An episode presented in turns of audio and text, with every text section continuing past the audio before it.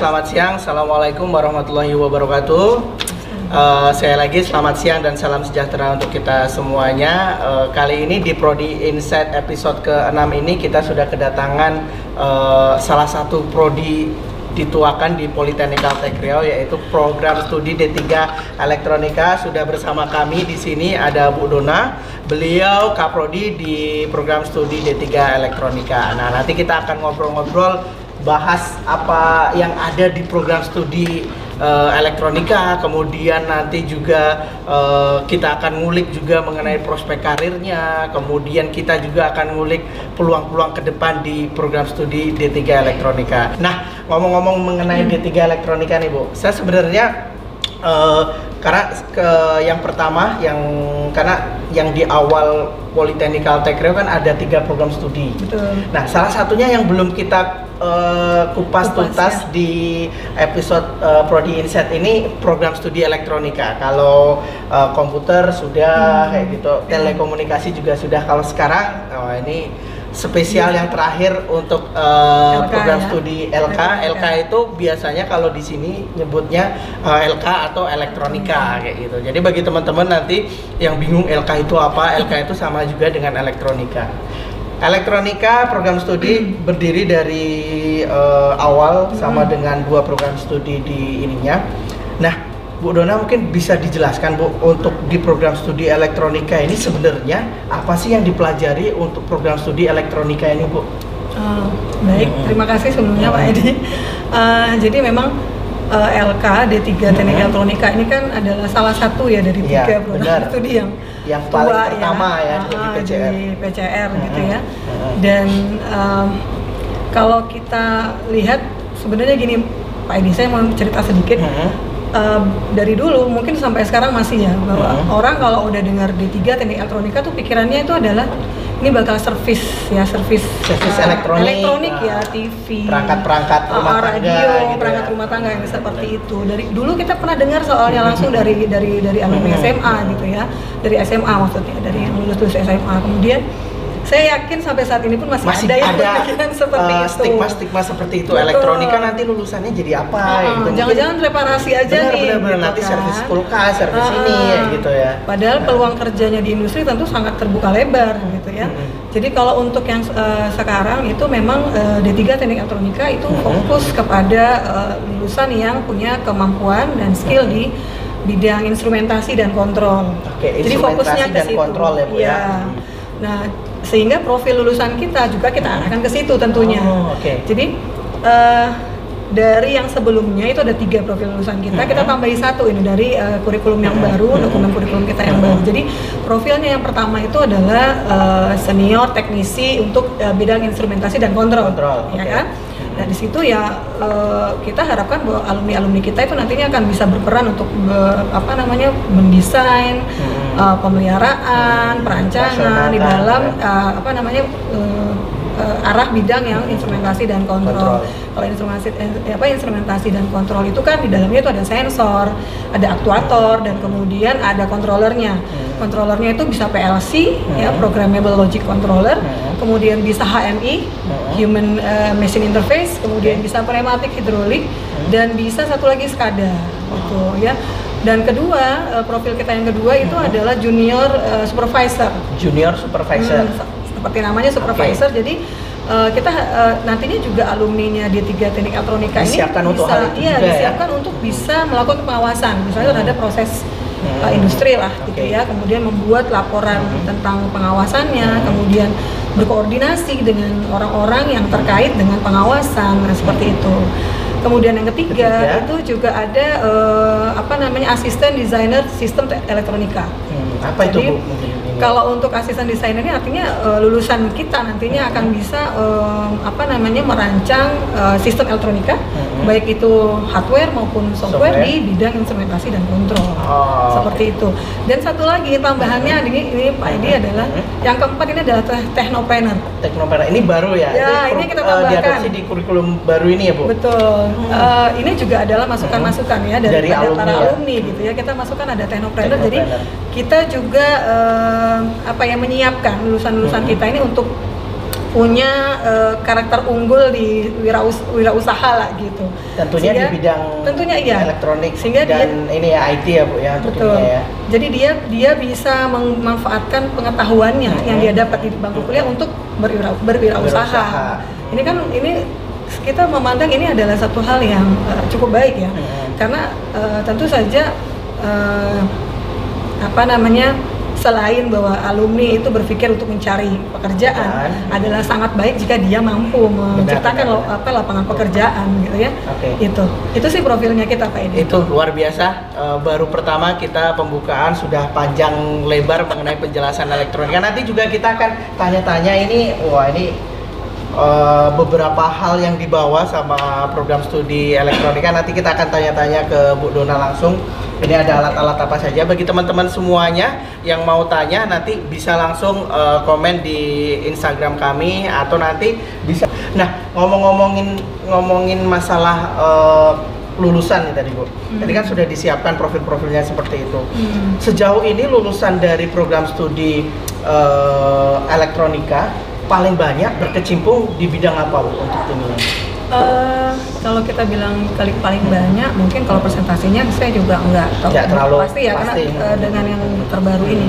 Tapi yang jelas memang uh, alumni alumni ada tiga hmm. teknik elektronika itu hmm. sudah tersebar di banyak sekali uh, industri ya. Okay. Termasuk kalau misalnya untuk yang uh, apa namanya kalau untuk perminyakan, migas gitu ya, pertambangan itu ada di CPI, hmm. Ada selam bersih, Haliburton, CPI itu Chevron ada, Pacific ya. Indonesia ya. ada Bukit Asam. Oh, berarti banyak di oil dan gas banyak, banyak juga, juga di, banyak juga, di gitu ya, instrumentasi juga instrumentasi ada, PT Schneider, juga, ya. Schneider oh, ada, Yokogawa ada, kemudian hmm. ada juga di apa namanya hmm. uh, kelistrikan ya, hmm. PLN, PJB Pembangkit oh, Jawa Bali, okay, kemudian okay. Indonesia Power gitu. Oh, okay, okay. Ada juga yang uh, menjadi pegawai uh, pegawai negeri hmm. ya Kemudian Berarti hampir semua bidang ada lulusan dari D3 elektronika memang menyebar ya dan Betul. dan hampir semua mungkin banyak dibutuhkan untuk untuk profil lulusannya untuk ini ya Bu ya. Masih terbuka hmm. luas pasar untuk uh, alumni-alumni D3 Teknik Elektronika. Bagi teman-teman yang mau mendaftar di elektronika silahkan bergabung uh, yep. jangan khawatir karena uh, peluang untuk karirnya sangat bagus. Nah, saya mau flashback kembali ke belakang nih Bu karena hmm. salah satu tiga dari satu dari tiga program studi yang paling awal ya gitu. Hmm. Nah uh, sebelum saya mau nanya mengenai historicalnya kayak gitu, Bu Dona bergabung di Politeknik, was, ini agak sedikit-sedikit rempet nih Bu. Dari tahun berapa ini Bu? Apakah waktu bergabung itu langsung uh, terjun di elektronika atau di program studi mana dulu? Oke. Okay. Uh, saya itu sebenarnya diterima keterima ya di uh, menjadi dua, salah satu uh, pengajar di PCR itu uh, akhir uh, 2001 akhir 2001. Akhir 2001. Berarti hampir sama dengan Politeknik Tekrio sendiri. Berdiri ya, uh, dan uh, pada saat itu masih hmm. masih sedang proses uh, proyek akhir di D4 itu waktu itu oh, di, gitu. di PNCS. Okay, okay, okay. Dan kemudian hmm. memang saya masuk betul mengajar hmm. itu di Februari awal Februari 2002 langsung ngajar untuk teman-teman di elektronika. Langsung mengajar bersama teman-teman uh, elektronika. Jadi dari awal sudah di elektronika sampai saat ini. Makanya 18 tahun. Tidak salah kita menghadirkan beliau kaprodinya langsung untuk mengetahui apa saja yang ada di elektronika. Nah, bisa nggak kita semua dijelaskan ini uh, termasuk bagi teman-teman adik-adik semuanya dijelaskan mengenai runtutan uh, perkembangan tersebut untuk ini ya? Iya, uh, tentunya ada apa namanya proses ya step-step gitu ya dari awal hingga sampai dengan sekarang.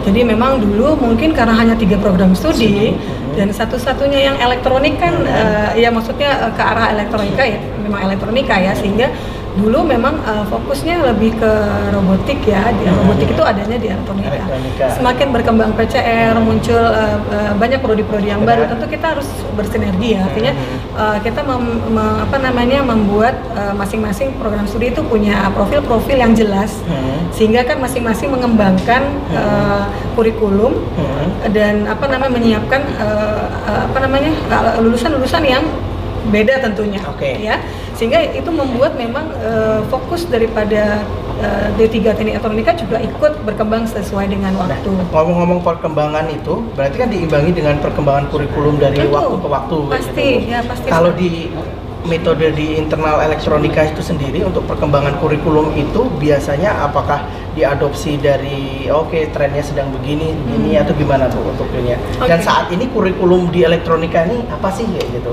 Dan yang membedakan juga dengan karena kan elektronika kita ngomongin elektronika kan hampir semua perguruan tinggi punya elektronika gitu. Nanti kita juga akan bahas bu yang membedakan elektronika di Politeknik Kaltek ini apa gitu untuk ini Ya, uh, saya pikir uh, gini. Kurikulum ya. Uh, kurikulum ya Pak Edi. Jadi memang kalau untuk uh, pengembangan kurikulum, mm -hmm. biasanya yang kita lakukan itu adalah yang pertama adalah tentu memang ada uh, beberapa program studi yang sejenis yang uh, menjadi apa istilahnya ya, mungkin referensi kita ya untuk lihat kira-kira uh, arahnya ke mana sih gitu ya tentu itu yang kedua pastinya adalah masukan dari industri oke okay. masukan dari industri kita dapat dari mana ya dari uh, alumni alumni kita yang memang sudah di industri jadi mereka adalah berarti kalau dari 2001 betul. mohon maaf berarti hmm. alumninya pertama 2000 2003 3, 2004 ya 2004 2001 2002 2003 sudah hmm. pengalamannya sudah ini hmm.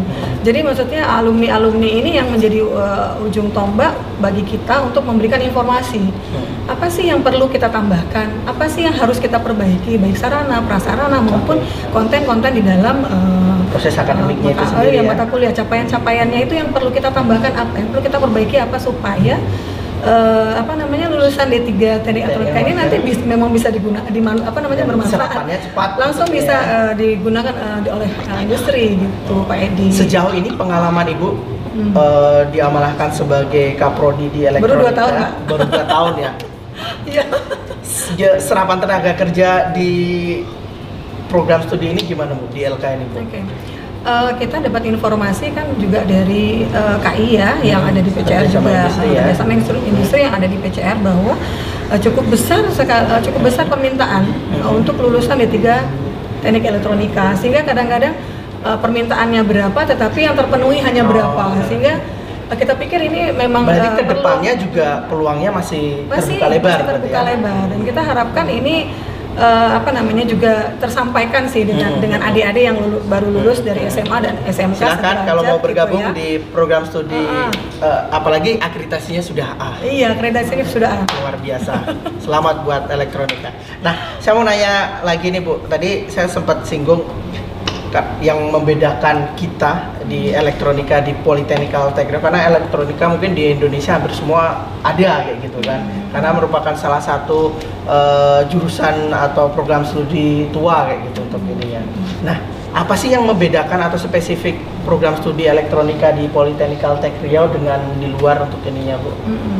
Jadi uh, memang kan kembali ke saya, yang saya sampaikan tadi bahwa fokus kita adalah instrumentasi dan kontrol. kontrol. Instrumentasi dan kontrol itu ada di hampir semua industri-industri yang modelnya pertambangan, minyak migas, kemudian uh, juga di apa namanya kelistrikan gitu tuh ada semua. Dan apa sih yang kena uh, uh, apa namanya di dalam uh, kurikulum juga kita menekankan uh, instrumentasi dan kontrol itu, hmm. serta kita tekankan juga dari arahnya memang karena uh, kemungkinan serapan industri itu kan adalah di sekitar kita, ya. kita ya, benar. di sekitar kita ya Riau dan Kepulauan Riau sehingga memang fokusnya arahnya ke situ Pak hmm. Pak Edi, memang ke instrumentasi dan hmm. kontrol. Tentunya akan berbeda mungkin berbeda jauh tidak, tetapi ada ciri khasnya ya. Apalagi di kita kan e, latar belakangnya vokasional, jadi lebih mengutamakan prakteknya, uh, praktek, benar. Ya, prakteknya dibandingkan hmm. teori ya. Hmm. Jadi itu, itu Pak Edi. Oke. Okay uh, ngomongin ini juga bu uh, profil apa alumni kemudian hmm. kan tadi sudah disiapkan uh, profil kelulusannya A B C D dan lain sebagainya selain itu uh, saya baca juga dan lihat di elektronika salah satunya sudah mempersiapkan alumninya itu dari sertifikasi-sertifikasi yang hmm. ada di internal kayak gitu. Iya, itu iya. boleh di-share juga Bu, sertifikasi oh, iya, itu karena mungkin bagi teman-teman yang baru mau masuk atau apa bingung kayak gitu sertifikasi ini apa kayak okay. gitu kan. Terus uh, apa aja yang ada di uh, elektronika sertifikasinya kayak gitu. Oke. Okay. Uh, eh, untuk D3 Teknik Elektronika mm -hmm. itu uh, ada tiga yang bisa sertifikasi yang bisa didapatkan oleh okay. uh, mahasiswa D3 mm -hmm. Teknik Elektronika. Mm -hmm yang pertama itu adalah uh, sertifikasi, uh, sertifikasi Lab Lab View. Oke, okay, apa itu? Itu, uh, itu miliknya apa namanya sertifikasi untuk kemampuan klep uh, punya uh, apa National Instrument. Hmm. Itu ada tesnya juga dan itu sertifikasinya internasional. Oke. Okay. Oke. Okay. Yang kedua itu ada ada dua sertifikasi yang dari LSPPCR. Uh, apa itu salah satunya? Uh, salah satunya adalah uh, pengoperasian uh, peralatan kelistrikan dan elektronika berbasis PLC ini yang paling paling banyak. Baru. Oh, ya, paling, banyak, paling banyak yang di, di Dan itu sudah berjalan berarti ya? Sudah, sudah sudah berapa kali berjalan oh, dan okay, hampir okay, okay, okay. sudah mungkin tiga angkatan alumni kita itu sudah punya sertifikat itu. Itu gitu. ya. Dan yang ketiga itu uh, pengoperasian instrumentasi proses kontrol itu juga uh, dari apa namanya LSPPCR dan sertifikatnya itu BNSP pak. Oh, okay. BNSP Baik. itu kan sudah nasional. Nasional, iya, betul. Paling tidak uh, salah satu yang membedakan alumni kita juga yang disiapkan dari internal program studi elektronika dari mau mulai lulus itu sudah dipersiapkan ya, mereka dibekali ya gitu. Betul betul. Karena nanti salah satu uh, fungsinya sertifikasi ini adalah bergaining hmm. ketika di karir betul. Itu, Jadi sebenarnya ya, ya, pendamping uh, ijazah, ijazah ya. Hmm. Dan ini kan memang udah udah uh, didorong oleh pemerintah nah. untuk agar setiap lulusan itu punya sertifikat keahlian gitu Pak Edi. Jadi memang harus punya. Jadi setiap lulusan paling tidak minimal satu, satu. punya okay. untuk membantu dia bisa Sip. Uh, ini ya. Oke, okay, kita nanti akan ngobrol-ngobrol lagi Bu. Uh, kita okay. bacakan uh, beberapa komentar atau pertanyaan yang ada di uh, Instagram Politeknikal Teknil Bu dari Asanul Irbai. Irbai. Wah, ini. Gimana Bu perkembangan dunia elektronik di kampus? Mungkin elektromedik bisa di, ya elektrome oh, elektromedik sorry elektromedik di kampus. Nah itu mungkin perlu dijelaskan juga bu elektromedik itu apa terus perkembangannya di kampus seperti apa gitu. Ya baik. Uh, terima kasih Asanul Irbai apa kabar? Oh ini alumni juga nih. ini alumni nih oh, ah, ya alumni uh, menyapa gurunya uh, terima kasih atas pertanyaannya. Jadi alhamdulillah uh, uh-huh. ya kita pelan uh, pelan tapi pasti akan bergerak untuk tetap maju ya. Uh-huh. memang uh, uh, apa namanya kita pasti ada kendala karena memang kita konsentrasi khusus tidak di biomedik tetapi kita tetap berusaha untuk mengembangkan itu Pak Edi karena kita tahu ada ada, ada potensi juga uh, ke situ. Dan di elektrobiomedik juga di awal mungkin uh, banyak yang belum uh, tahu ya dan ya, belum ya, berani mainan-mainan elektrobiomedik. Jadi Apa elektrobiomedik ini sebenarnya kita uh, ini kan gabungan antara elektronika dan mm-hmm. biomedik. Biomedik itu kan uh, dunia-dunia medis ya mm-hmm. dan elektro ya elektronika. Okay. Jadi bagaimana kita membuat instrumentasi peralatan-peralatan yang bisa mendukung orang-orang yang bekerja di uh, dunia medis, medis. sebenarnya itu. Ah, ini uh, ada contohnya atau sudah mulai dikerjakan atau sudah, gimana bu? Sudah. Boleh Jadi uh, beberapa ya saya sebutkan. Jadi yang pertama itu kita coba bikin uh, alat untuk uh, mendeteksi uh, gula darah, tetapi nggak pakai dicucuk-cucuk pak Edi. Oh, nggak perlu dipakai uh, jarum lagi ya? Pakai jarum kan orang kan pada biasanya tak, ketakutannya adalah benar, benar. sudah sering di harus benar, sering benar. diperiksa dan harus sering dicul, benar, dicucuk benar, gitu ya. Benar, benar, dan itu kan nggak nyaman. Benar, Sehingga kita coba kembangkan itu. Jadi udah ada alumni yang pernah coba bikin, kita coba kembangkan terus kembangkan terus. Itu yang pertama. Kemudian yang kedua uh, kita bikin juga untuk uh, EKG. EKG elektrokardiograf jadi uh, deteksi uh, sinyal jantung kita coba lihat tampilkan bentuk sinyalnya kita coba sekarang untuk yang sekarang itu kita coba untuk lihat uh, melihat uh, apa namanya ada abnormalitas atau tidak dari sinyal itu gitu. Dan termasuk yang Jivo ya uh, kita bikin untuk uh, alat uh, kursi roda yang digunakan bisa digunakan untuk mereka yang disabilitas. Jadi uh, kalau di vokasi ya termasuk di PCR itu kan kalau dia mau lulus dia harus bikin uh, project ya kita sebut dengan proyek akhir gitu. Jadi uh, kalau di LK Pak Edi Pak ini sudah sejak beberapa tahun sebelumnya kita sudah bikin di PA di LK itu terbagi atas lima bidang. Jadi ada uh, energi, energi, ada telemetri, kemudian ada robotik, hmm. ada uh, instrumentasi dan kontrol, serta biomedik. Oke, okay. berarti sebentar saya potong dulu. Berarti ketika saya jadi mahasiswa di elektronika, saya boleh milih dari kelima bidang itu. Betul. Oh, betul. Oke. Okay. Dia lebih interestnya ke Ke mana? mana? Betul. Gitu. betul. Oh, Oke. Okay. Jadi sejauh ini gimana bu? Ini ini menarik. Ya, kita kita konsen untuk mengembangkan lima bidang itu. Jadi setiap lima bidang itu punya uh, apa ya penelitian yang uh, dikembangkan oleh dosen di di setiap bidang itu. Sehingga semua arah uh, apa namanya ya proyek akhir mahasiswa itu diarahkan untuk mengembangkan itu. Jadi terus menerus dilakukan. Jadi mungkin ada tahap awal, kemudian uh, pengembangan lanjutan dan seterusnya. Kita harapannya memang proyek akhir ini menjadi uh, bisa nantinya menjadi apa namanya pro, apa namanya alat yang justru yang bisa uh, menjadi tepat, tepat guna gitu okay. di masyarakat harapannya seperti itu uh, ngomong-ngomongin tepat guna kayak gitu berarti kan wah ini uh, teknologi tepat guna atau dari proyek akhir tersebut seberapa linier dengan industri-industri yang okay. tepat guna itu Bu. Yeah. Karena ini menarik nih kan, yeah. karena dari lima bidang tersebut kayak gitu yeah, untuk ini ya. Nanti kalau bisa digambarkan contohnya apa yang sudah pernah dikerjakan dan lain sebagainya. Oke okay, boleh. Hmm. Jadi gini Pak Edi kalau di kita tuh apakah sudah linier gitu kan? Hmm. hmm. Sebenarnya uh, ada beberapa kerjasama yang kita lakukan hmm. terkait terkait proyek akhir. Yang hmm. pertama uh, kita lakukan uh, dengan yang pertama kali ya dengan BMKG. BMKG. BMKG Pekanbaru. Hmm. Jadi uh, ada uh, proyek akhir dan penelitian dosen di bawah ini di bawah bimbingannya Bu Retno ini. Okay. Itu beliau mengembangkan uh, apa nama sistem pemantau cuaca gitu ya, hmm. yang uh, kerjasama dengan BMKG. Okay. Jadi BMKG itu punya sensor yang kadang mungkin udah nggak kepake lagi kan, hmm. punya yang baru, ini yeah, yang lama nggak kepake. Yeah. Itu dihibahkan ke kita, kita, uh, kita perbaiki, hmm. kita tambahkan uh, sistem-sistem ya, tertentu benar, gitu ya, fitur-fitur tertentu. Hmm. Kemudian BMKG dengan senang hati terbuka sekali kita datang ke sana untuk memberikan uh, itu kembali. Oh, bukan kita Gimana? melakukan kalibrasi dari alat kita oh, sehingga okay, dia punya okay. alat baru kan yang lebih uh, bagus kita uh, lakukan kalibrasi. Uh, itu yang pertama. Uh, yang kedua kita juga kerjasama pernah dengan Disperin. Uh, dengan Disperin itu uh, Disperin mengundang UMKM uh, ke kampus yeah. untuk melihat alat-alat uh, yang dibuat oleh mahasiswa, mahasiswa. kita. Oh, karena kemungkinan betul. besar sekali yang dibuat itu bisa mereka gunakan.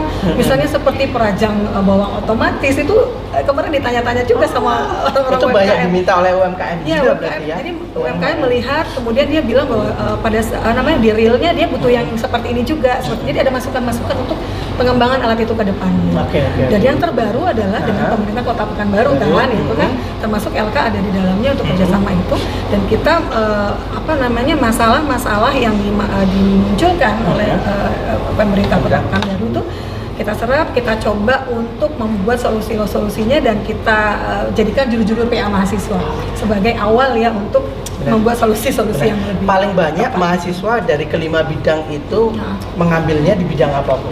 Ada nggak ini ya? Uh, paling yang diminati anak-anak itu hmm. uh, mengarahnya lebih ke apa?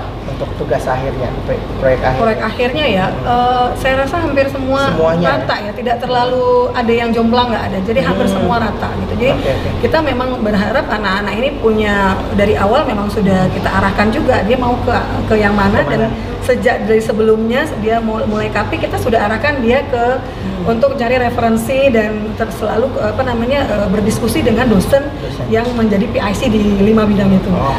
Jadi okay. sama sih. Ngomong-ngomongin ngomongin dosen nih bu, dosen di elektronika ini kan wah, dalam tanda kutip senior senior ya, penuh dengan pengalaman. Tua-tua maksudnya? Seni, saya nggak nggak nyebut tua sih bu, tua legendaris semua kayak okay. gitu kan.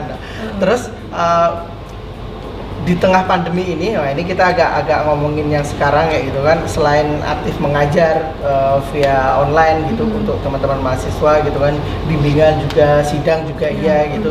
Nah, uh, karena kan salah satu tridharma dari dosen kan ada penelitian pengabdian ya gitu kan. Hmm. Nah, seberapa uh, ini kalau boleh diceritakan ke kita semuanya kayak gitu untuk pengabdian di dosen-dosen elektronika ini lebih cenderungnya atau fokusnya ke bidang apa kayak gitu untuk ininya bu? Oke, okay. kalau untuk penelitian hmm. uh, seperti saya uh, sebutkan hmm. tadi ya bahwa setiap dosen itu punya uh, apa namanya interest ya? di ke penelitian tertentu dan mengembangkan itu secara terus menerus. Hmm. Kalau untuk pengabdian juga uh, ada yang memang ke arah robotik. Hmm. Jadi bagaimana robotik semakin dikenal ya bahkan benar, anak benar. SD gitu ya, uh, anak tingkat SD. Sudah pelatihan untuk robotik. robotika bahkan anak-anak mahasiswa kita juga ngajar tuh uh, untuk ekstrakurikulernya okay, di sekolah-sekolah okay, okay. gitu kan. Hmm dan ada juga yang pengembangannya ke UMKM. Nanti saya akan tanya nih Bu, ini oh, robot ya apa nih yang masalah untuk di ini? Hmm. Nah, kita uh, nanti mau bacakan dari pertanyaan Pak Roni tadi. Kurikulum uh, ya. Kurikulum tadi sudah sedikit agak disinggung, kemudian yang ke depannya isunya akan ada D4 elektronika nih Bu. Wah ini Amin. karena banyak sekali yang menanyakan ke kami di tim penerimaan mahasiswa baru kayak gitu, lulus dia sudah lulus di elektronika gitu kan. Nah, kapan nih D4 elektronika uh, akan dibuka? Ini banyak sekali yang nanya. Ini ada ada informasi tentang itu nggak Bu? Oke, okay. aduh terima kasih sekali ini bisa saya jelaskan nah, di sini. Nah. Jadi uh, memang ke kita pun mm-hmm. itu banyak sekali pertanyaan tentang ini mm-hmm. baik dari alumni dari uh, calon mahasiswa, mahasiswa bahkan dari mahasiswa yang uh, ad, sekarang ya, ada di sini aktif kayak ya, gitu ya baru mau lulus ya betul, gitu ya. dapat pertanyaan dari adik-adiknya juga gitu ya. jadi mm-hmm. gini Uh, sebetulnya kita kurikulum yang kita sekarang mm -hmm. jalankan uh, kurikulum 2019 Pak Edi. Okay. Mm -hmm. Itu sudah kita rancang sedemikian mm -hmm. rupa sehingga apabila program meme dijalankan. Mm -hmm. Meme ya programnya meme ya. Nanti saya jelaskan meme itu apa. Ah. Apabila program meme dijalankan insya Allah kita siap. Ya, tinggal menunggu bagi, termasuk di dalamnya infrastruktur dan kurikulumnya juga kurikulumnya sudah disiapkan. Sudah kita siapkan. Jadi uh, di G19 ini kurikulum 2019 hmm. ini itu sudah mengacu ke uh, meme. Meme tersebut. Meme itu kan uh, multi entry, entry, multi exit ya. Artinya artinya setiap mahasiswa mahasiswa itu bisa masuk di uh, tahun pertama, tahun kedua, kedua, bahkan sampai tahun keempat gitu ya. Ah, itu dia bisa nih. masuk di mana saja dan dia bisa keluar di tahun kedua. Ah. So, kalau dia keluar di tahun kedua itu berarti dia mendapat uh, ijazah D2, diploma dua ah, okay. uh, ahli muda ya. Ahli kalau dia keluar di, di, di tahun ketiga ya D3, tiga, ahli media. Ya. Kalau dia keluar di tahun keempat berarti sarjana terapan gitu. Jadi dia bisa, bisa sampai segitunya, Bu. Betul.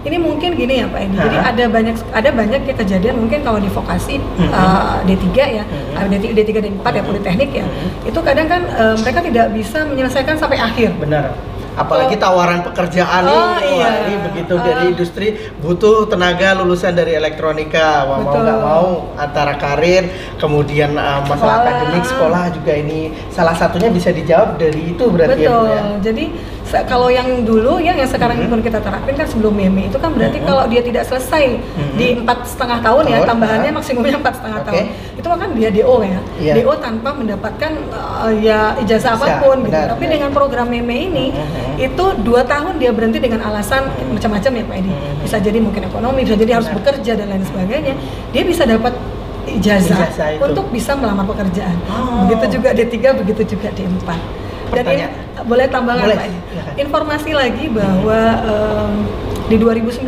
ada tiga program studi di PCR termasuk D3 Tektonika yang dapat penugasan untuk D4 oh, dan okay. kita sudah salah sudah, satunya elektronika ya? salah satunya D3 Teknik ini kabar bagus untuk mahasiswa kita untuk para alumni dan calon mahasiswa. Ini paling tidak teman-teman jangan khawatir lagi karena D3 elektronika insya akan Allah. insya Allah nanti di secepatnya akan uh, statusnya naik juga naik jenjang ke sarjana terapan atau D4 amin, luar biasa. Amin, amin. Ada yang mau ditambahkan lagi soal program multi entry multi exit bu? Iya uh, satu sih ada program hmm. tambahan yang kita lakukan di 2019 hmm. itu RPL. Oh RPL. RPL. RPL, RPL rekognisi pembelajaran lampau eh, berarti ya. Iya Pak Edi. Boleh di-share juga apa nggak? Ini iya. kemarin sudah di uh, kabarnya sudah dilaksanakan juga sudah, berarti Pak ya, Edi. ya. Jadi oh. di 2019 D3 hmm. Teknik Elektronika sudah jalankan RPL. Oke. Okay. Uh, nah, sebelum dijelaskan itu RPL itu apa sih Bu? Mungkin banyak orang yang yang nggak ini nih. Ya, tadi Pak Edi uh. bilang adalah uh, singkatan dari rekognisi pembelajaran lampau. Itu sebenarnya hmm. adalah pengakuan hmm. terhadap kompetensi seseorang hmm. ya uh, yang dia dapat dari uh, apa namanya pengalaman pengalaman sebenarnya dari dari apa namanya uh, uh, formal informal, informal ya pendidikan formal informal dan juga pengalaman kerja oh, sehingga okay ini bisa jadi kan begini ada hmm. orang yang mungkin bekerja sudah bertahun-tahun gitu, ya. gitu ya di bagian ya, tertentu di, ngambil di jadi elek di bagian PLC uh, misalnya PLC, kontrol PLC ya. misalnya dia sudah troubleshoot segala macam rancang rancang merancang dan segala macamnya sudah bisa dan bertahun-tahun bekerja Artinya itu saja kompetensinya sudah mampu kompetisinya sudah mampu tapi mungkin belum karena keterbatasan waktu hmm. tidak bisa kuliah okay. maka dengan sistem RPL ini kita bisa mengakui kompetensi itu beliau oh. uh, kita akan coba mereka artinya diuji ya diuji dengan uh, soal-soal yang akan menguji kompetensinya sesuai tidak dengan capaian mata kuliah untuk PLC misalnya. Ah, okay, Kalau okay. dia mampu berarti dia dia katakan Langsung bisa berarti. Akui dia memang punya berarti betul. Ya, ah, oke okay. ini berarti Uh, sangat menggembirakan bagi teman-teman yang dia sudah bekerja okay, kemudian uh, terkendala masalah waktu tapi secara uh, skillnya Skill, dia, sudah dia mampu punya. gitu ya. Ini kemarin uh, paling banyak latar belakangnya apa bu untuk ininya yang yang ikut RPL ini? Uh, paling banyak itu ada yang uh, apa, de, Oh, maksudnya um, ke bidangnya ya? Iya, iya. Bidangnya listrik ini. Listrik. Itu dari PLN. Oh, okay, PLN okay, paling okay. banyak. PLN berarti PLN. yang bekerja ini ke depannya juga masih akan dibuka masih, juga ya? Masih, kita kita masih PLN. buka ya, teman-teman yang mungkin oh, lihat. Uh, alumni-alumni LK yang bekerja di PLN, ini salah satu juga selain tadi Meme juga ya Bu ya? Iya, betul. Selain Meme ada RPL, RPL juga kita jalankan ini. Luar biasa kita bacakan pertanyaan lagi Bu. Nanti boleh, kalau kita boleh. diskusi, wah ini nggak terasa sudah hampir 45 menit. Baik, baik. Ini dari Rido Andiko. Andiko. Wah, kurikulum meme itu nantinya secara reguler atau bisa secara paralel bu. Oh. Reguler atau paralel? Reguler atau paralel. Ya? Mungkin uh, bisa kalau kalau yang uh, oh, RPL kan uh, non reguler gitu kan. Kalau yang reguler kan dia Sabtu Minggu okay, dan lain sebagainya. yang yang non reguler gitu ya. ya. Uh, kalau dia sudah meme tentunya ini menjadi program yang reguler. Reguler. Reguler kalau sudah meme. Artinya, Jadi ya belajarnya sama seperti mahasiswa yang reguler sekarang dari Senin sampai Jumat. Jumat. Berarti kalau mau sore. masuk ini teman-teman uh, khususnya ya kalau yang yang sambil bekerja mungkin agak susah berbagi waktu. Ya, mungkin bisa, bisa RPL ikut yang RPL, benar. RPL. Kalau yang bekerja benar. RPL. Benar, Kalau benar. meme itu bisa untuk yang uh, calon mahasiswa baru hmm. yang bisa uh, mungkin yang itu tadi ya bisa keluar di di tahun kedua tiga empat jika ya, gitu jika ya. memang dia ternyata butuh keluar sebelum eh, empat tahun. Oke okay, gitu. itu kurang lebih uh, jawabannya dari Ridho Adika tadi. Nah ngomongin soal RPL sama Mimi juga nih Bu. Ini karena sudah berjalan uh, apa uh, pasti di beberapa pertanyaan juga masuk ke tempat kami Bu hmm. di penerimaan mahasiswa baru. Yeah. Nah, salah satu kelebihannya kan tadi kita sudah bahas kalau RPL uh, dia merekognisi atau uh, paling dalam tanda kutip memberikan hak layak untuk mereka yang sudah mempunyai skill, skill. Gitu, yang ber, bertahun-tahun di bidangnya. Okay. Kalau untuk meme kelebihannya nanti yang akan dibuka dia uh, bisa lulus untuk D3 hmm, atau D2, D2 atau D4 kayak gitu. Nah, saya mau nanya satu lagi nih Bu. Untuk RPL dan meme ini, apakah ini ada karena banyak yang yang masuk ke kami batasan usianya? Batasan usianya. Iya. Uh, kalau di aturan yang kita buat untuk RPL kemarin itu tidak ada batasan. Tidak ada karena yang itu juga setahu saya juga mohon maaf sudah senior senior, senior juga. Sangat gitu senior gitu, bahkan. Ya. Berarti ini bagi bapak-bapak yang senior ya, juga untuk meningkatkan bisa. karirnya di, betul, di industri, uh, industri hmm. bisa untuk ngambil ini kayak program gitu ya. RPL betul. Berarti betul. tidak ada batasan oh harus uh, lulusan sekian sekian nggak ada. ada berarti ya bu ya tidak ada termasuk yang mimi juga ya? termasuk ya? mimi oh, kalau okay. mimi mungkin aturannya kan kembali ke aturan reguler benar ya? benar benar benar hmm. di reguler uh, artinya ya kuliahnya harus dua uh, maksimal dua tahun ya benar, dari dua tahun ya. kelulusan terakhir kayak ah, gitu kemudian betul. perkuliahannya juga di Senin sampai uh, Jumat. hari Jumat kayak gitu Nah, sembari nanti kita masih uh, kolek beberapa pertanyaan yang masuk di Instagram, kemudian di WhatsApp juga. Saya mau nanya ini. Oh iya, boleh. Apa nih yang sudah dibawa dari tadi nih, Bu? Oh, iya. Ini uh, boleh diceritakan nih bagi teman-teman pasti akan sangat penasaran sekali ini. Okay. Ini uh, salah satu dalam tanda kutip mainan untuk mahasiswa di elektronika. Ya. Ini dia. Ini apa nih Bu? Boleh dijelaskan? Uh, jadi sebetulnya ada banyak sekali ya, tetapi uh mungkin yang uh, ini yang bisa kita bawa gitu ya. Ini yang pertama ini adalah si panca ini. Si panca. Apa si panca, itu si panca ini uh, sistem pemantau cuaca. Oke. Okay. Ini adalah uh, hasil kolaborasi antara dosen dan mahasiswa. Oh ini yang buat internal kita juga. Internal kita. Oh, Pak. Enggak beli berarti ya? Saya kira beli Bu. Enggak. Oh, berarti ini hasil buatan dari mahasiswa dan dosen. Dosen. Jadi penelitian uh, dosen dibantu dengan hmm. mahasiswa hmm. itu untuk memantau cuaca. Jadi okay. ada ya berbagai parameter uh, cuaca itu uh, di, di apa namanya diterapkan di sini. Hmm. Ada yang untuk uh, intensitas cahaya, hmm. suhu, kelembaban, hmm. uh, itu curah hujan ya dan bisa dipakai di mana itu sebenarnya ini uh, sedang proses uh, untuk apa namanya perbaikan uh, apa namanya untuk tes uh, apa uh, ketahanan sih sebetulnya oh. ya Berarti Jadi, ini digunakan untuk di outdoor. Bisa indoor, bisa outdoor. Bisa indoor, bisa outdoor. Oh, bisa indoor, bisa. Okay, bisa okay, kalau okay. indoor ya tentu mungkin eh, institusi-institusi, perusahaan-perusahaan yang membutuhkan data-data terkait data cuaca ya. Hmm. Dan outdoor bisa jadi juga misalnya ke uh, apa namanya ke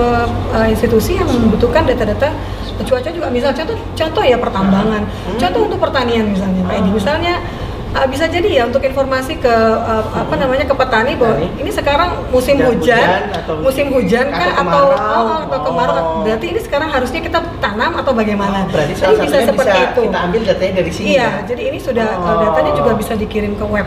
Jadi oh, bisa okay, dibuka okay. jika uh, okay, ini yang Android pertama ya, ya. Android juga. Nah, kemudian, kemudian ini, ini, oh, ini dulu, ini. Oke, boleh silakan. Ini, ini ya. Ini ini nanti terakhir nih.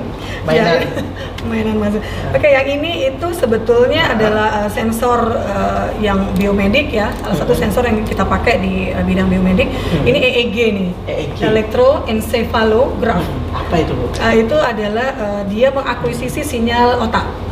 Jadi ini dipasang ya di hmm. kepala. Mm -hmm. Ini ada satu uh, apa namanya sensor yang mendeteksi apa sinyal otak yang berada di FP1 uh -huh. ini adalah groundnya. Uh -huh. Nah ini uh, kemarin biasanya kita diimplementasikan di ke apa nih bu? Banyak sekali karena ini kan dia kan uh, apa mengambil apa data-data sinyal otak ya. Uh -huh. Jadi yang sudah kita lakukan uh -huh. itu adalah untuk uh, si apa Mindy dan Jivo. Oh ini ya, ya. Jivo ya. Oh, kursi ini, ini bagi teman-teman. Iya. Ini kursi smart wheelchair nih. Uh -huh. eh, kemarin uh, saya juga dapat infonya ini juga salah satu yang disumbangkan untuk rekan-rekan kita yang di, ini ya Bu ya. Ya di apa SLB, oh, SLB okay, okay. salah satu ini SLB boleh dijelaskan sekalian ini Bu Dona? Ya boleh. Ini. Jadi kalau yang ini yang kita mhm. coba ini Jivo ini Jivo ini sebenarnya adalah uh, generasi kedua dari Mindy ya. Oh, kalau okay. Mindy kita masih pakai PC di hmm. Jivo kita nggak pakai PC jadi nggak ada ada PC di sini. Oh kan biasanya kita, kalau PC berarti PC-nya di bawah sekalian. Iya di bawah sekalian. Oh oke okay. ini berarti generasi keduanya. Keduanya oh, nggak okay. pakai PC lagi kemudian kita tambahkan beberapa fitur baru. Jadi selain hmm. pakai EEG uh -huh. kita pakai EMG ini ada ada EEG, sensor ada EMG, e elektromyograph. Jadi untuk otot. Jadi bisa digerakkan dengan menggerakkan oh. menggenggam lepas itu seperti Sangat itu. menarik. Kemudian kita juga pakai yang voice kita pakai voice nggak kelihatan ya mungkin. Okay, okay. jadi bisa pakai control voice juga. Kemudian satu lagi pakai joystick ya seperti biasa okay, kita pakai joystick. Kenapa sih kita kembangkan ini? Karena ini yang yang yang dari sebelum versi pertama dan pengembangan di, di yang pengembangan versi kedua apa nih bu? Selain tidak menggunakan PC lagi, PC lagi? okay. nah, di ya, itu tadi. kedua. Pengembangan fiturnya adalah jadi kontrolnya bukan hanya pakai otak pakai sinyal otak. Macam ini berarti di pengembangan kedua semua ya? Betul, ya, ini ya? pengembangan kedua oh, semua ada EMG, okay, okay, pakai joystick, joystick uh, kemudian pakai voice, voice control juga. Uh, Oh, ini okay. untuk yang Jivo. Itu jadi sangat menarik untuk di elektronika eh, teman-teman uh, akan mempelajari ini semuanya, akan hobi mengutak hati ini semua. Nah ini yang nah, terakhir nih Bu Dona. Ini saya, saya penasaran dengan ini. Ini ini semacam Tamiya atau semacam apa ya gitu kan? Nanti boleh di ini kan atau iya. robot apa okay. gitu kan? Uh, ini uh, robot avoider ya. Robot avoider. avoider. Jadi sebenarnya ini untuk mahasiswa elektronika sudah familiar. Oh, udah familiar sekali. Dan bisa untuk buat ini sendiri pasti, bisa. Pasti, pasti. Oh, jadi okay. jadi ini sebenarnya mini project sih di nah. di uh, D3 Teknik oh, sebagai tugas untuk iya, tugas mata kuliah oh, saja. Iya. Dan iya. kemudian hmm. anak-anak hmm. mahasiswa itu, mahasiswa hmm. kita hmm. itu mengajarkan hmm. pengetahuan ini ke adik-adik SMA, SMK. Oh, kalau Jadi saya, kemarin saya jual tuh. ide yang bagus Pak ini. Jadi ini teman-teman mahasiswa kita dari elektronika, uh-huh. dia ngajarkan Ngajarin. oh ke anak-anak SMA, SMK hmm. gitu. Bagaimana membuat ini dari awal okay. gitu. Kalau boleh tahu nih Bu, hmm. kalau kita mau buat dari awal seperti ini, hmm. biayanya berapa sih Bu untuk ininya? Sebelum nanti ini ini bisa didemonstrasikan Bu? Uh, sayangnya ini saya nggak ngecek oh, ininya oh, gitu. ya, okay, Pak, okay, apa baterainya hmm. ya Pak Edi yang ini robot jelas, avoider yang avoider ya? intinya dia ini bergeraknya ini ada sensor ultrasonik di situ ya. Jadi uh, pada saat dia ada halangan di depan, maka nanti ini motor servo ini akan bergerak ke kiri ke kanan dan oh, dia akan ngecek jarak. Berarti menggunakan sensor sensor ultrasonik. Oh. Nah, jadi begitu nanti uh, dia ngecek jarak gitu ya, yeah. kiri dan kanan seandainya misalnya jarak kiri lebih besar daripada jarak, jarak kanan, kanan, maka dia akan belok ke kiri. Artinya tidak ada halangan kan oh. sebelah kiri. Itu sebab, sebabnya namanya robot avoider. Oh, okay, nah, okay, okay. Jadi ini adalah robot yang sederhana yang bisa diajarkan hmm. uh, oleh adik-adik kita di D3 elektronika. Kalau di, elektro, di teman-teman uh, mahasiswa elektronika ini dipelajari atau mereka bisa uh, buat ini di semester berapa tuh Bu? Uh, ini dibikin di proyeknya workshop elektronika ya. Hmm. Uh, jadi di semester uh, semester 2 semester, semester kedua, tahun bisa pertama ini. sudah bisa bikin robot bisa bikin jalan itu. sendiri mobile robot gitu. Oke, okay. luar biasa. Uh, ini salah satu uh, ini juga ya apa pengabdian yang mahasiswa kita Himika. Himika.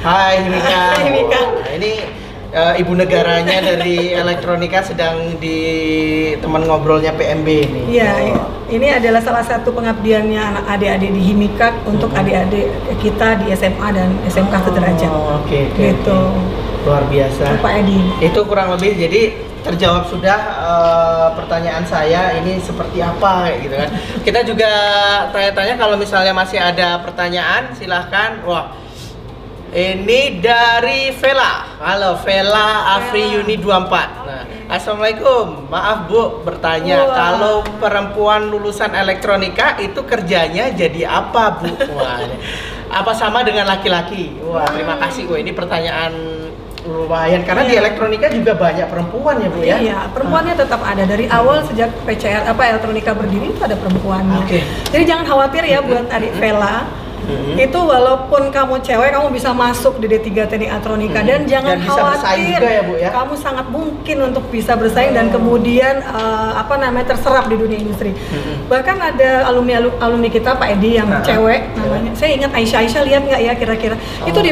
di PLN Oke. Okay. PT PLN. Kita lihat bagaimana dia ikut manjat masang uh, apa namanya uh, apa namanya dan lain ke tiang itu, Bu. iya, betul. Oke, okay, jadi, bukan tidak mungkin memungkinkan semuanya Vela se semuanya uh, sangat terbuka dan sangat kompetitif persaingannya iya. juga di elektronika juga tidak membedakan gender ya, tidak ya, Bu ya. Membedakan. Oh, gitu. Berarti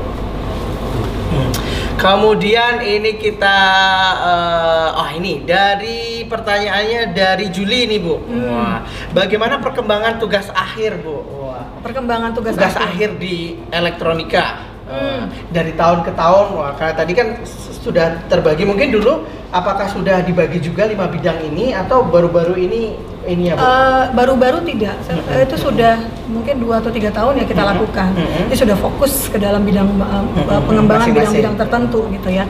Kemudian uh, kalau ditanya tadi perkembangan mm-hmm. tugas akhir seperti apa, kalau dari awal ke 2000 uh, 2003 ya mm-hmm. sampai dengan sekarang tentu jauh juga ya Pak Edi cukup oh, banyak okay, perubahannya okay, okay. dan kita berusaha untuk bagaimana sekarang alat-alat ini itu memang bisa kita digunakan oleh uh, apa namanya uh, masyarakat okay. gitu. Termasuk saya bilang tadi ya. Ah, yang itu tadi yang saya jelaskan tadi ya. Kita berusaha mengambil Kalau dari segi teknologinya Bu, kalau kita ngomongin segi teknologi, kalau tugas akhir dulu dengan yang sekarang apalagi sekarang kan sudah maju nih hmm. wah sudah seperti hmm. ini hmm. yang yang paling tidak yang membedakan secara uh, garis umum garis besarnya apa bu untuk okay. ini mungkin memang kalau uh, sekarang kan kontrolnya mungkin lebih banyak atau apa kalau dulu mungkin masih analog atau apa gitu ya jadi uh, mungkin kalau yang sekarang itu arahnya memang kan uh, sudah menggunakan controller yang lebih baik ya, hmm, hmm, hmm, ya, yang makan pakai mini PC dan ya. lain sebagainya. Jadi mengikuti perkembangan kita sih, mengikuti perkembangan zaman. Termasuk kayak itu ya misalnya uh, apa namanya uh, mengikuti revolusi uh, industri ya. 4.0 uh, mau tidak mau anak-anak elektronika juga punya skill uh, pengetahuan umum paling tidak tentang IoT kan ah. sehingga uh, sekarang ya PAPA itu proyek akhir itu juga menyentuh sisi IoT-nya supaya anak-anak juga tahu bagaimana cara uh, apa namanya bisa menghasilkan semua data-data itu ke terhubung ke internet. Oke, okay. gitu. itu uh, pertanyaan berikutnya, bos dari Vela nih Bu mau tanya kalau di LK materi yang diajarkan berapa persen Bu? Materi apa ya? Materi apa nih? Mungkin garis besarnya Bu. Materi, materi oh mungkin secara prakteknya praktek, Bu, okay. uh, praktek dan teori. Ya, presentasinya kalau, mungkin presentasi. Bu, kalau dari presentasi itu uh, 59% ya terakhir itu terapan kita, ya. ya. Langsung praktikum. Praktek, praktikum. Uh, selebihnya adalah uh, apa namanya teori. Oke, okay. ngomong-ngomong praktikum, saya mau mau nanya nih Bu di elektronika ada berapa laboratorium yang yang uh, bisa dimanfaatkan untuk praktek anak-anak? Apa saja Bu untuk Oke. Okay. Sebetulnya sejak tahun 2019 ya awal hmm. ya itu kan memang uh, apa namanya labo, laboratorium tidak lagi di bawah prodi ya Pak Edi yeah, yeah, sudah yeah. di bawah uh, jurusan. jurusan sehingga sebetulnya semua laboratorium di bawah jurusan jurusan kemungkinan kita gunakan oh. tapi yang paling sering kita gunakan kalau yang dasar itu laboratorium uh, apa namanya pengukuran, pengukuran listrik dasar hmm. kemudian um, digital dan mikro uh, mikroprosesor hmm. kemudian ada elektronika dasar kemudian pneumatik hidrolik, hmm. ada otomasi industri juga. Okay. Luar biasa, sangat banyak laboratoriumnya. Iya, Itu juga bisa diakses sama mahasiswa berarti ya Bu ya? Pastinya. ya. Selain uh, proses di luar jam belajar mengajar, teman-teman bisa akses itu juga. Bisa, bisa. Ya? Termasuk untuk proyek akhir ya. Oh, ah, oke. Okay. Itu keunggulannya. Jadi bagi teman-teman jangan khawatir lagi, silahkan uh, kalau misalnya teman-teman mau masuk di elektronika, kalau yang sudah masuk nggak perlu khawatir, nggak perlu bimbang. Ini sudah program studi yang tepat bagi teman-teman yang baru mau daftar di jalur khusus. Silahkan hmm. salah satu program studi terbaik di kami elektronika teman-teman bisa ambil kayak gitu. Saya mau minta uh, pesan untuk teman-teman yang baru mau masuk di program studi elektronika khususnya hmm. bagi anak-anak mahasiswa baru nih Bu. Oh, Apa okay. nih Bu pesannya Bu untuk anak-anak baru? Uh, anak baru atau mungkin juga untuk lulusan SMA SMK ya? Ah, benar benar benar. Termasuk ini orang tuanya atau tetangganya, oh, iya. kakak-kakaknya juga Siapa yang ya, yang lagi juga. nonton. Nah, silahkan ini pesan dari Bu Dona langsung Kak Prodi dari Elektronika Politeknik Tech Riau. Silahkan Baik, Bu. Uh, buat adik-adik SMA, SMK sederajat ya. Jangan pernah ragu untuk masuk ke Politeknik Tech Riau karena PCR itu adalah uh, politeknik swasta terbaik di Indonesia. Ingat itu. Yang kedua, jangan pernah ragu masuk D3 Teknik Elektronika. Bersama dengan kami kita akan saling bahu membahu bergandengan tangan. Kami akan uh, apa menyediakan ruang yang cukup uh, apa namanya nyaman bagi kalian untuk bertumbuh mem mempersiapkan diri untuk bisa apa namanya uh, untuk bisa sukses di dunia kerja. Itu saya boleh luar biasa. Boleh boleh ini alumni ya? Boleh, boleh, boleh silahkan. Boleh sapa alumni ya? Boleh. Nih, mau sapa-sapa alumni, eh, saudara, tetangga boleh semuanya. Oke, nanti kita satu pertanyaan terakhir nanti kita akan bacakan oh. juga. Silakan Bu, boleh sapa. Oh, yang ngomong alumni banyak tersebar di Indonesia, oh, di luar negeri juga ya Bu ya. Di luar negeri ada juga, di Indonesia yang terlibat paling banyak. Okay, silakan alumni Bu. D3 Teknik Elektronika uh, ibu mewakili uh, dosen ibu bapak dosen di D3 Teknik Elektronika itu mengucapkan terima kasih banyak atas kontribusi kalian baik di segi sarana prasarana kemudian juga bantuan uh, banyak hal ya uh, di prodi D3 Teknik Elektronika. Kita berharap bahwa alumni ini juga terus bersama bergandengan tangan untuk terus membuat uh, prodi ini menjadi lebih baik lagi lebih baik lagi lebih baik lagi dan jangan pernah uh, apa namanya uh, jangan pernah lupa untuk tanya terus. Karena mereka ini alumni kita ini selalu setiap secara berkala selalu tanya bagaimana adik-adiknya Pak Edi.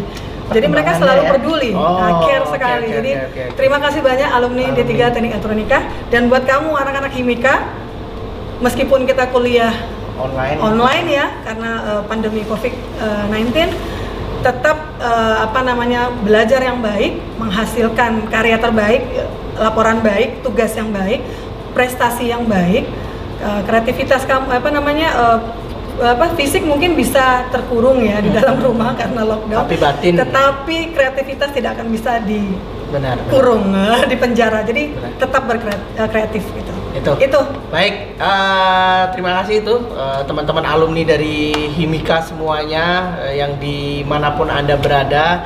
Uh, berarti hubungan mahasiswa alumni dengan dosen di elektronika sangat erat berarti Masya ya Bu Allah, ya. Masya Allah. Sampai itu, sekarang. Itu sesuatu yang membuat saya haru dan bangga. Gitu. Oh, gitu. oke. Okay. Ini bisa jadi modal besar di Pasti. prodi ini juga kayak Pasti, gitu ya Bu ya. ya. Nah ini, wah ini komentar yang luar biasa dari Ricky Noverma nih Bu. Assalamualaikum Bu Dona, dosen favorit lintas jurusan dan angkatan. Wes luar biasa jadi dosen favorit. Terima kasih. Kemudian Yuda Pratama.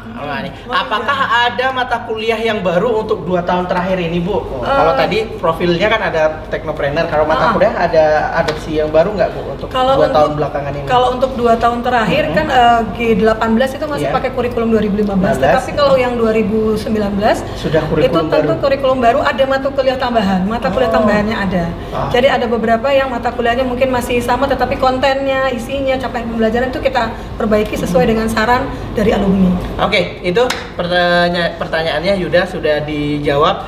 Wah ini sudah hampir pas satu jam kurang nih Bu, luar biasa tidak terasa pertanyaannya banyak juga. Terima kasih sekali lagi ya. buat Bu Dona sudah menyempatkan waktunya untuk ngobrol di Prodi Insight kali ini episode ke-6 teman-teman semuanya tetap di rumah jaga eh, tetap di rumah saja jaga kesehatan eh, nanti jangan lupa teman-teman saat ini kita juga pembukaan di jalur khusus hmm. teman-teman langsung bisa cek di pmb.pcr.ac.id okay. gitu tentunya sekali lagi terima ya. kasih Bu Dona sukses kasih, untuk program studi elektronika. Salam buat amin, amin. semua dosen di program studi elektronika. Uh, sekian pro, uh, program di kami Prodi Insight episode ke-6 uh, kita akhiri tidak terasa sudah satu jam kita live bersama Kaprodi yang luar biasa Kaprodi uh, Kaprodi favorit. Ya, Sekian dari kami terima kasih selamat siang. Wassalamualaikum warahmatullahi wabarakatuh. Waalaikumsalam.